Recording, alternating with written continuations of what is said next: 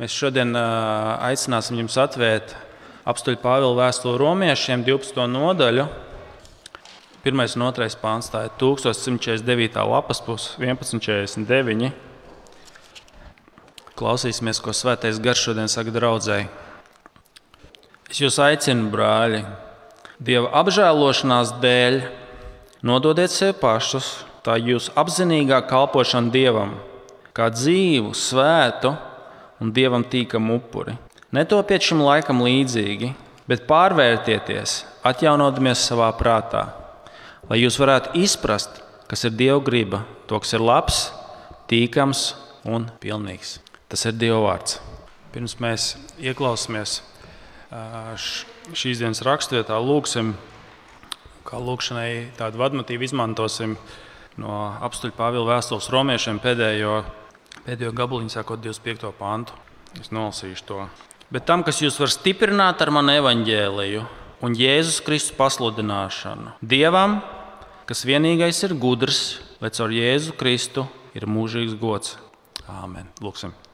Tiešām, kungs, tu esi vienīgais gudrs, un tu esi vienīgais, kas mūs var stiprināt caur tavu vārdu, caur to evaņģēlīju, ko mēs esam saņēmuši no taviem apstuļiem un to pasludinājumu. Tāpēc lūdzam, lai tagad tiešām um, tu dod mums savu gudrību, lai mēs atjaunojamies tavā prātā caur svēto garu.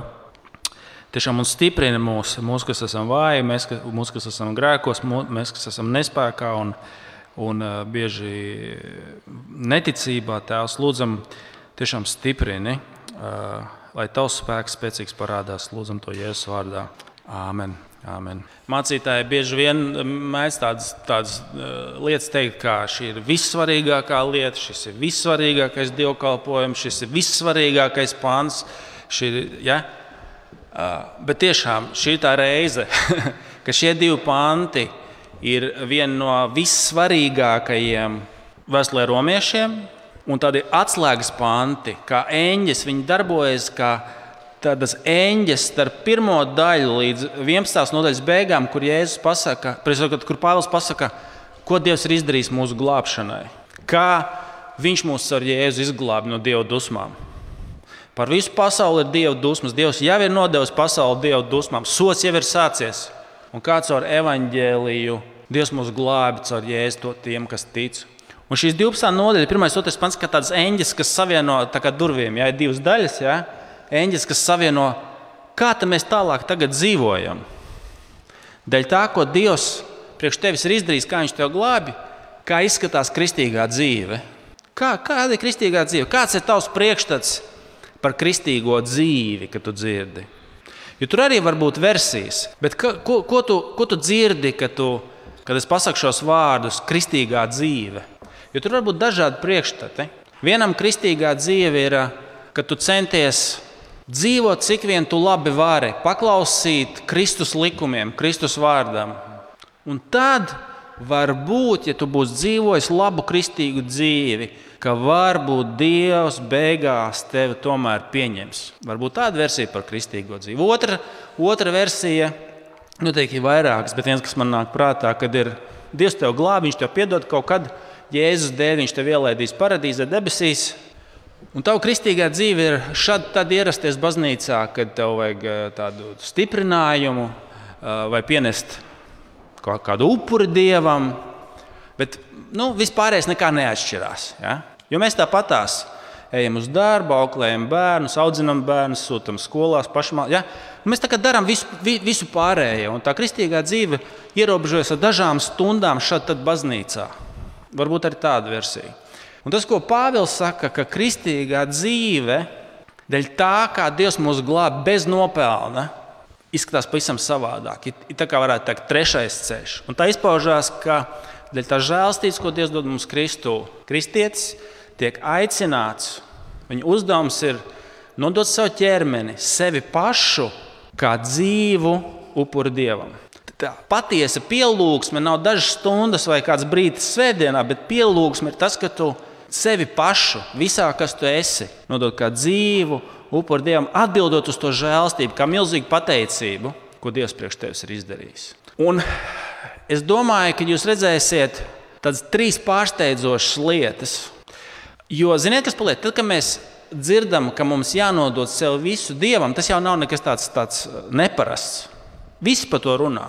Gan musulmaņi teikt, ka tev vajag tiekties pēc tā, ka tev sev visu jādod dievam. Gan nezinu, budismā tev pēc iespējas vairāk sevi, sevi jānodod šim ceļam. Ja? Visi jau runā par to, ka tev sev jānodod visu. visu. Un tad, kad mēs sākam dzirdēt to, ka man sev jādod visu, es pieļauju, ka viena no tām reakcijām ir atkal. atkal. Tagad mēs runāsim par kristīgo dzīvi kā vēl vienu nāstu, jo bieži vien mēs varam izjust to tādā veidā. Es, dzirdu, es, es tajā dzirdu visas tās lietas, ko es neesmu darījis un ko es nedaru. To mēs varam izdzir, iz, izjust kā tādu zirnakmeni kaklā pastāvīgi, kur atkal man tieks, tiks atgādināts un teiks, kas man jādara, bet ko es nedaru un nespēju darīt bieži vien. Tas būs atkal milzīgs garš apsūdzību saraksts, un tas ir pirmais pārsteigums, ko mēs šeit redzam šajos divos pantos, ko mēs apzīmējam ar pirmo, ar pirmo punktu, kas ir kā, mēs varētu teikt, pielūgsmes motors.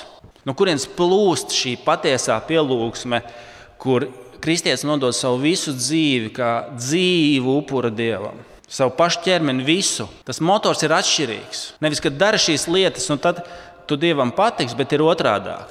Dievs tevi ir izglābis, viņš ir apžēlojies par tevi, Jēzu remdēdams savas dusmas, ka tu saņem Dieva labvēlību. Apžēlošana Tas, ko Dievs ir izdarījis, ir tas motors, kas dzen šo pielūgsmu. Skatieties, kā Pāvils saka, 12. Pants, 12. nodaļa, 1. pants. Es jūs aicinu, brāļi, Dieva apžēlošanās dēļ, nododiet sev pašus. Tā ir jūsu apzinīgā kalpošana Dievam, kā dzīvu, svētu, Dievam tīkamu upuri. Tas motors, kas dzen šo sevis visā nodošanu, ir tas, ko Dievs ir izdarījis. Nevis tas, ko tu izdarīsi un kļūsi pieņemams, bet Dievs ir apžēlojies. Un tāpēc tu to nodari. Tas, ko, eh, tas, tas, tas, ko mēs redzam visā Bībelē, kā Dievs dod savu bauslību. Kā Dievs dod savu bauslību? Pirmais bauslis ir kāds? Es esmu Dievs, tavs kungs, kas tevi ir izglābis no Eģiptes zemes. Tas ir sākums. Es tevi esmu izglābis no verdzības. Un tāpēc tev nebūs citus dievus turēt. Tev nebūs elku tēlu taisīt. Ja?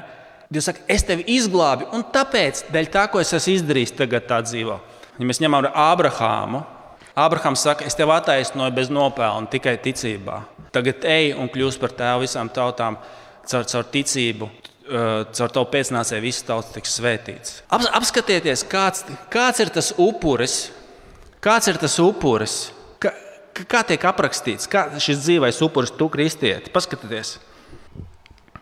Es jūs aicinu, brāļi, Dieva apžēlošanās dēļ nododiet sev pašus. Tā ir jūsu apzinīgā kalpošana Dievam, kā dzīvu, svētu un Dievam tīkamu upuri. Tu jau esi dzīves, svēts un Dievam tīkams upuris. Kristus dēļ tu jau esi svēts. Tev pat pirkstiņš vairs nav jāpakustina. Tu, Jēzu, esi svēts. Apžēlošanās dēļ tu jau esi svēts. Un otrs, kas ir svēts un, un ar ko viņš pabeidz, tīkams, Dievam patīkams. Kāpēc tas ir patīkams? Kāpēc tev dzīve un tavu kalpošana var būt Dievam patīkama? Tāpēc, ka Jēzu viņā, vienotībā ar viņu, tu esi tikpat mīlēts un pieņemts, kāds ir, kā, kāds ir Jēzus. Ja. Tas motors ir nevis dari, un tu būsi patīkams, bet tu jau esi tīkams un svēts upuris Dievam. Un tā milzīgā pate, pateicība, kas nāk no tā, ka Dievs ir novērsis dusmas, un es esmu svēts un tīkams, tā uzdevums ir piepildīt un pārpildīt tavu sirdi ar tādu prieku, ka saki, ko es varu darīt. Kāda varētu būt mana kalpošana? Nevis tavu kalpošanu darīs tevi par svētu un tīkamu upuri, bet tas, ko Jēzus ir izdarījis, jau tevi padarīs par svētu un tīkamu. Es jums došu salīdzinājumu. Uh, es nemāku dziedāt. Nu, kā, kad man, man ģimene man lūdz to nedarīt, tad, kad kaut kur es gribu iedongoties, tur mašīnā vai vēl kaut kur. Ja? Viņa lūdz man, man pārstāt to darīt. Nu, lūk. un tad vēl tam visam pa virsmu ir tas, ka šeit priekšā nolikts ir mikrofons, kur es parasti stāvu, un es vienmēr es dziedu, bet es dziedu nu, tā kārtīgi. Nu, tā. Baznīcā man patīk dziedāt kārtīgi. Man tiešām prieks par tām lietām, ko mēs dzirdam. Man ir bail, ka tas ienāks mikrofonā. Ja? Es tā pārāk neesmu klausies. Bet es varu, respektīvi, tas, tas stāsta fons ir tāds, ka nu, tas, nav, tas nav nekas īpaši labs. Es, man dziedāšana ir tāds priecīgs troksnis, ja? bet tas ir troksnis pārsvarā. Kāpēc es jums to stāstu? Bet tad, kad šeit priekšā ir labi, spēcīgi vadītāji, kas labi un skaļi dzied, un visa draudzene dzied, tad es ar savu priecīgo troksni tajā varu iekļauties. Saprotiet? Mana dziedāšana kļūst laba, iekļaujas tajā lielajā labā, kas ir laba bez manis. Jūs saprotiet? Tad, kad ir pamat, pamat plūsma, pamat dziedāšana ir laba, es tajā arī izklausīšos kaut kā normāli tajā visā. Ja? Un tā ir ar līdzīga ar to, ar, ar kristiešu kalpošanu. Kristus jau tevi darīs labu un svētu. Pieņemamu dievam, svētu, un kā šeit ir sacīts, tīkamu. Kristu tu jau esi viņam tīkams.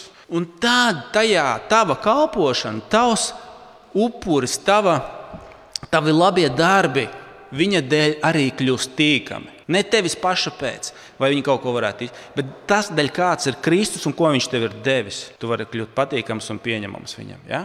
Saprotam, ja? tā pirmā lieta, tas motors, no kā tas plūst, ir pateicība, kad viņš tevi darīs svētu un tīkamu. Tā ir, tā, tas ir pirmais pārsteidzošā lieta, kas atšķirās no vispārējā.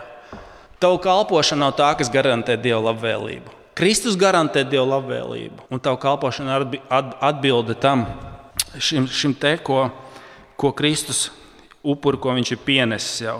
Interesanti, kāpēc viņš saka par dzīvu upuri? Tas, tas papildina šo pašu domu. Tu vari būt dzīves upuris, tāpēc ka Kristus jau pienes to upuri, kas tika nonāvēts. Vairs nevajag nonāvēt nekādus upurus. Dusmas ir izpirktas. Viņa darbs ir pabeigts vienreiz pavisam reizēm. Viņš vienreiz pa visām reizēm ir upurēts, vairs tas nav jāupurē.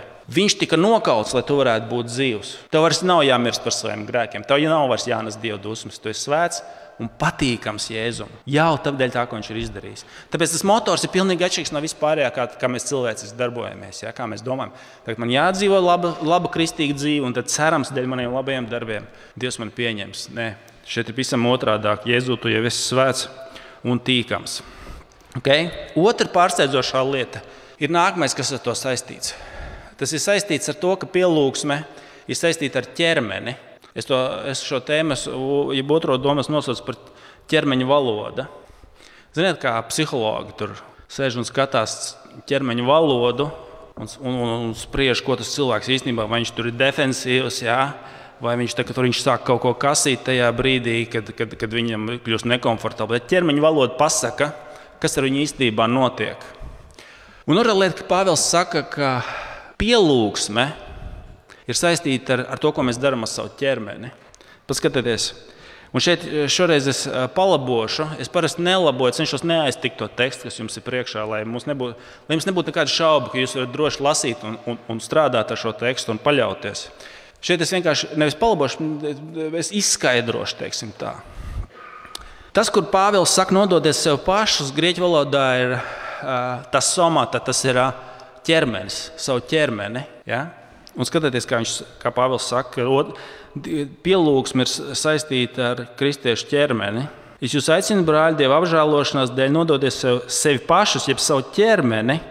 Tā ir jūsu apzinīgā kalpošana Dievam, kā dzīvu svētdienas tīkamu upuri.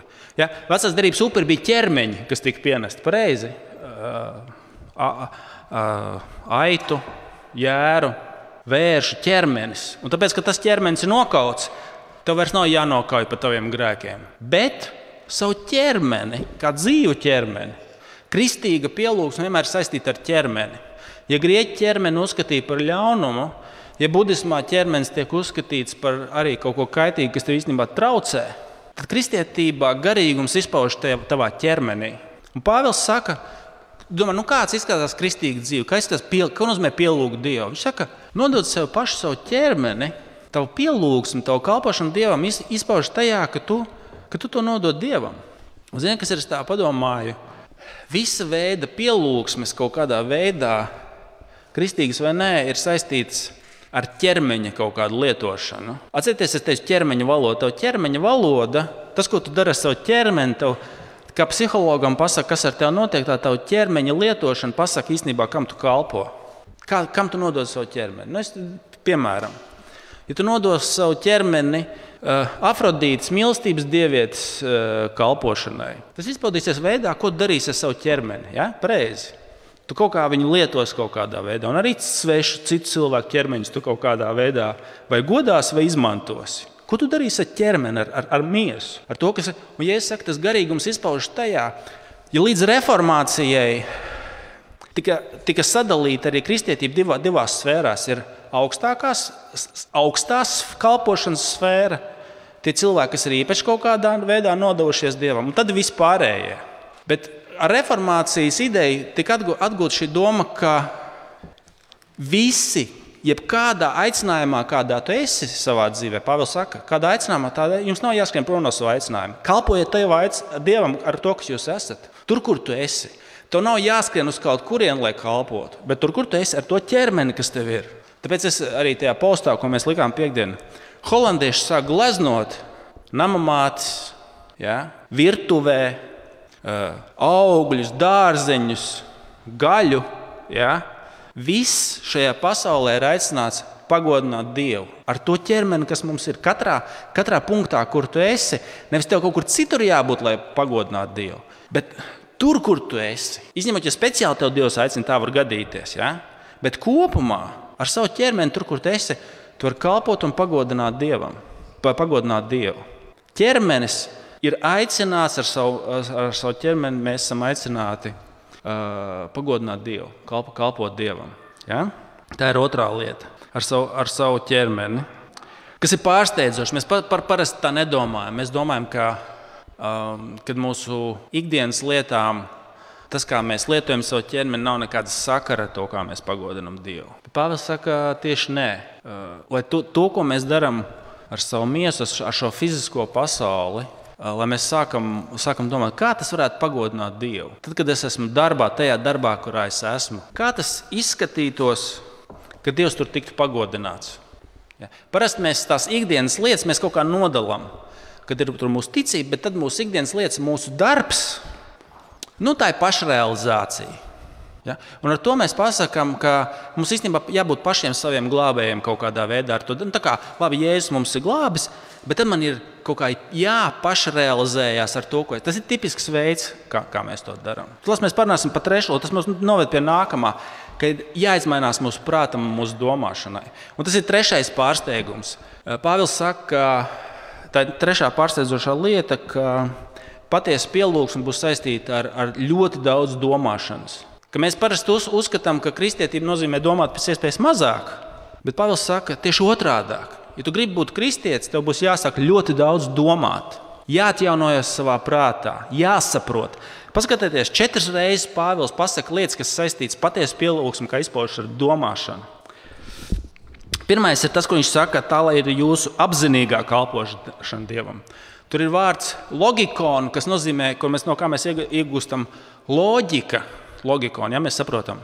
Tā lai jūs apzinīgā, apzinātā, saprotošā kalpošana. Jēzus saka, pielūdziet Dievu garā un patiesībā. Šī domāšana, apzināta kalpošana būs saistīta ar patiesību, ka mēs, ka mēs sākam domāt par patiesību. Par domā, tā ir pirmā lieta. Skatieties tālāk. Netopiet šim laikam līdzīgi otrais pāns. Netopiet šim laikam līdzīgi, bet pārvērtieties, atjaunoties kur savā prātā. Lai tā ir jūsu apzināta kalpošana, apzināta pielūgsme, pārvērtieties savā prātā. Un trešais, vēl divas reizes viņš pasaka, lai jūs ko darītu, izprastu, kas ir Dieva griba, to, kas ir labs, tīkams un pilnīgs. Ja? Um, paskatieties, cik daudz viņš runā par prātu. Patiesa pielūgsme tavā dzīvē, kristieti, būs saistīta ar to, ka tu nevis domās mazāk, bet ka tu būsi spiests domāt vairāk. Gilberts Chestertons, viens no maniem, kas tāds esmu noskumis savā ticībā, es parasti palasu Chestertonu, viņš man iepriecina vienmēr. Viņam visādi daž, dažādi jau, jautri, jautri izteicieni. Nu, lūk. Viena no lietām viņš saka, ko viņš saka, ka, lai, ne, lai nekristietis iegūtu prieku par dzīvi, viņam ir viņam ir pēc iespējas jādomā mazāk. Jo pamatlietas nav atrisinātas. Un tas veids, kā viņš iegūst prieku, ir nedomājot par to, ka galvenais nav atrisināts. Jēga, nāves problēma, dieva sastapšana, vaina, sots. Nekristietis iegūst prieku, nedomājot, pēc iespējas mazāk domājot par šīm lietām. Bet viņš saka, ka kristietis iegūst prieku pēc iespējas vairāk domājot. Nevis mazāk domājot, lai viņš būtu priecīgs šajā dzīvē, viņam nav jāapspiež. Viņam tieši otrādi - pēc iespējas vairāk jāsāk domāt un vairāk jāatjaunojas savā prātā. Es jums došu ilustrāciju, ko es pagājušajā, man liekas, pirms nedēļas redzēju. Ukraiņas kara sakarā es skatos visādus tur saucamos krievu disidentus, to, tie, kas ir pret Putina režīmu, ir tāda žurnāliste Gorģieva. Viņa klusajā centrā vienreiz redzēja sunīti pastaigājoties pie Vācijas vidusskolas ja? vai skolas vai kā. Ja? Un viņi intervē krievu karavīru atraitnes, pēdējais, man liekas, viņai ir. Uh, un viena no šīm sievietēm, kurai kar, uh, Ukrainā gājis bojā Krie, Krievijas armijas sastāvā, gan tēvs, gan bijušais vīrs, bērnu tēvs.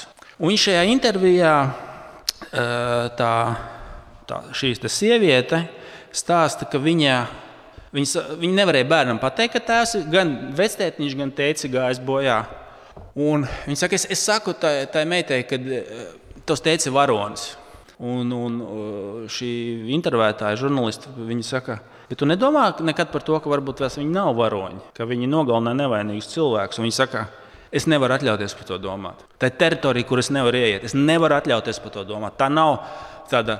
Um, tas nav graznums, tas ir graznums, ko es nevaru sev atļauties. Man ir apzināti jāapspiež patiesība, man jādomā mazāk. Un tieši tāpatās ir ar cilvēku, kurš nepazīst šo dievu apžēlošanu.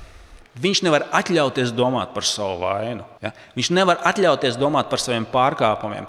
Viņš nevar atļauties domāt par to, ka viņam būs jāsastopas Dievs. Ja? Viņš nevar par to atļauties domāt. Viņam ir jā, jādomā pēc iespējas mazāk. Tāpat arī par pārējām lietām. Viņš nevar atļauties domāt par to, ka, ja viņš ir vienkārši nejaušība šajā pasaulē, tad viņam nav nekādas nozīmes, nav nekādas jēgas, nav nekādas. Viņš nevar atļauties. Viņam jāapspiež šīs domas ir, un jādzīvo it kā būtu. Kaut arī pēc viņa pasaules uzskata nevar būt nekādas jēgas, nevar būt nekādas vērtības. Ja, tāpēc, ziniet, ko? Kāpēc ir tā, ka lielākā daļa cilvēku neredz jēgu savai dzīvē no pirmdienas līdz piekdienai? Nav brīnums.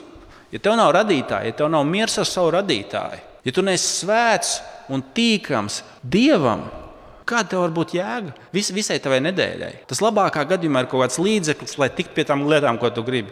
Pie nedēļas nogales, pie lietām, ko tu varēsi nopirkt, pie ceļojuma, kur tu esi aizbraucis. Lielākā dzīves daļa vienkārši kaut kā jāiztur. Pareizi. Nav brīnums, tāpēc ka tu nevari domāt, tev nav nekāda. Tā nav nekā, kas piešķir tam jēgu, virzienu un, un nozīmi. Bet Kristus tieši otrādi. Viņš, pēc iespējas, lai tu varētu būt priecīgs, tev pēc iespējas vairāk jādomā par to, ko Dievs tev ir izdarījis savā labā. Tāpēc viņš saka, kā, kā mēs atjaunosimies savā prātā, tā kā mēs klausāmies Dieva vārdu, gan ikdienā paši, bet mēs sanākam kopā pielūgt Dievu svētdienā. Dievs viņš saka, nāc un domā par to apžēlošanu. Tev būs jādomā, jādomā ļoti, ļoti daudz, lai tu būtu pārpildīts un piepildīts ar šām labajām ziņām. Ka tavs prāts būs izmainīts, ka mēs klausīsimies šeit Dieva vārdu, mēs dziedāsim par viņu, mēs nāksim pie kunga galda. Ka tu esi tik pārpilnīgs, ka tu varēsi sākt domāt savādāk. Ka tu nedarīsi kā šī pasaule, ja? kā viņš saka, netopiet šim laikam līdzīgi. Zini, kas ir? Es uzreiz tā atcerēšos. Ja tu domā, ka tu varēsi nekļūt šai pasaulē līdzīgs kaut kā viens pats kaut kur savā kambarī ar Jēzu, tu stipri maldies, tu esi pa vāju. Pasaule vienmēr būs stiprāka. Tāpēc Dievs ir devis tos žēlstības līdzekļus, draugu, dievkalpojumu, dievu vārdu. Apsieties, Pāvils runā ar, ar, ar viņš, viņš runā, viņš runā ar viņiem kopā. Viņš saka, jūs, tā nav personiskā lieta, kā teiksim, citās reliģijās, vai tavas personiskās individuālās prakses. Viņš saka, jūs kopā visi. Tāpēc uh, ebrejiem, piemēram, autors saka, nepametiet savus sapulces, bet sanāciet kopā, lai jūs saņemtu stiprinājumu no Dieva. Ja? Pasaule vienmēr būs stiprāka par tevi. Tu nevarēsi izturēt, nē, es naivs. Ja? Tev vajag nākt kopā un atjaunoties ar Dieva vārdu savā prātā, lai tavs prāts tiktu atjaunots, ka tu sāc domāt savādāk. Ja? Un paņemsim kādas pāris praktiskas lietas. Uzrunāšu skolniekus uzreiz. Vai tu esi domājis par to, Tagad jūs liekat eksāmenus, kārtojat eksāmenus eh, uz, vid, uz vidusskolu, uz, uz skolām, uz augstskolām. Bet es par to domāju vispār. Tas, ko tu darīsi, tas, kā tu izvēlēsies, kā tu tajā vari pagodināt Dievu. Dažiem no jums tas ir jautājums, ko jūs nekad neesat uzdevuši. Mēs cenšamies vienkārši izdzīvot, mēs darām kā vispārējie. Ja? Mūsu profesija ir mūsu realizēšanās. Bet evanģēlīs tev saka, zini, ko? Dievs ir tik daudz jau izdarījis priekš tevis, lai tev būtu perfekta reputācija. Tev tavas mācības, un tava izglītība un tava profesija nav vairs vajadzīga kā tava reputācija. Kā šis, teikšu, saka, net, netopēt šai pasaulē līdzīgi. Kāda šī pasaules? Mans darbs, mana profesija ir mana reputācija. Kā būs domāšana un atjaunošanās savā prātā, ka mēs nedarīsim kā pasaule? Tas nozīmē, ka tava profesija, un tavas mācības un tavi tituli nav tava reputācija vairs. Pareizi. Kā tas, kā tas ir iespējams? Viņš saka, skaties to, kāds Jēzus ir. Viņa, reput, viņa ir tik, tik dāsna tava reputācija, ka tu pats vari sākt nedomāt. Tu vari sākt domāt, kā es varu Dievam kalpot ar savu profesiju, ar to vietu, kuras būšu ar savām mācībām, ar to, ko es darīšu. Kā tas kalpos Dievam? Ja? Ka tas ir tik. Uh, es, uh, Es, es, es, ceru, es, es ceru, ka šis piemērs, ko es jums teikšu, saslēgsies tūlītās. Ja nē, piedodiet man, uh, tagad hokejs notiek mūsu, mūsu pilsētā. Un pirms uh, kaut kādiem diviem, diviem gadiem, ja nemaldos, bija pirmā uh, reize pasaules vēsturē, es nebaidos šī vārda, pasaules vēsturē, kad Latvija, Latvijas izlase uzvarēja Kanādu. Ja? Un ko, nu kā, la, latvieši parasti rīko gājienus un, un iet pie vēstniecībām un noliek ziedus. Nu, pie šo valstu vēstniecībām. Nu, tā kā sē, šai valstī ir sērs, jo latvieši viņus ir sakāvuši. Pirmo reizi pasaules vēsturē latvieši devās pie Kanādas vēstniecības. Un, tur, un, un viņi tagad eh, noliek to ziedus. Kas notika? Kanādas vēstnieks iznāca pie viņiem. Un nevis tur, tur, tur, tur, tur, tur kaut ko, ko jūs darat, bet viņš viņiem sasveicinājās. Viņš bija, viņš bija draudzīgs ar viņiem, viņš apsveica viņus. Un tas nav tā, kā parasti, parasti notiek. Jūs zināt, kāpēc? Jums, ka viņa identitāte par Kanādas hokeju ir tik droša. Ja? Tāpēc, ka pēdējos 15 gados Kanādas hokejam tuvu vispār nekas nestāv. Tas ir vienkārši tāds, tāds burbulītis. Šī sakā, un tas ir tajā gadā, kanādiešu jaunieši Protams, vinēja to čempionātu, ja, kad viņi zaudēja Latvijai. Protams, atspēlēdamies tur, nezinu, no pasaules vēsturē pirmo reizi, tur, cik zaudējuši tik spēles. Ja. Viņu identitāte, un viņu, viņu stāv un spēks ir tik jaudīgs tajā, ka mazais burbulītis, ja, kad, kad Latvija viņus ir sakāvusi, ir. Un tas viss tā iepļau, iekļaujās tādā, tādā viņa lielajā stāstā, ka tas necik viņu neapdraud. Un lūk, kristieša identitāte, šīs apžēlošanas, kas ir Kristū, ir tik liela un dāsna, ka tu, ka tu vari vairs kā, tu vari sākt piedot, jo Dievs tev ir piedevis. Darbā, kur kā, profesionāli, kur notiek pakāpšanās, otra neveiksme tiek uzskatīta par savu zaudējumu. Tas ir otra neveiksme par tavu iegūmu. Tev, ja? Tu vari kā šis te iznākt ārā un pateikt, nevis no nabadzības mentalitātes, bet no bagātības un dāsnu mentalitātes, ka tev jau viss ir nokārtots, tev ir Dievs ir piesēdzis tavu muguru. Tu teikt, teikt, labi, Kā šis varētu izpausties kalpošanai Dievam? Nekļūt kā šī pasaule, bet atjaunoties savā prātā. Un ar to, kas tu esi ar savu ķermeni, tu sāk domāt, kā tas var kalpot Dieva godībai, jo Viņš tev jau ir piesēdzis.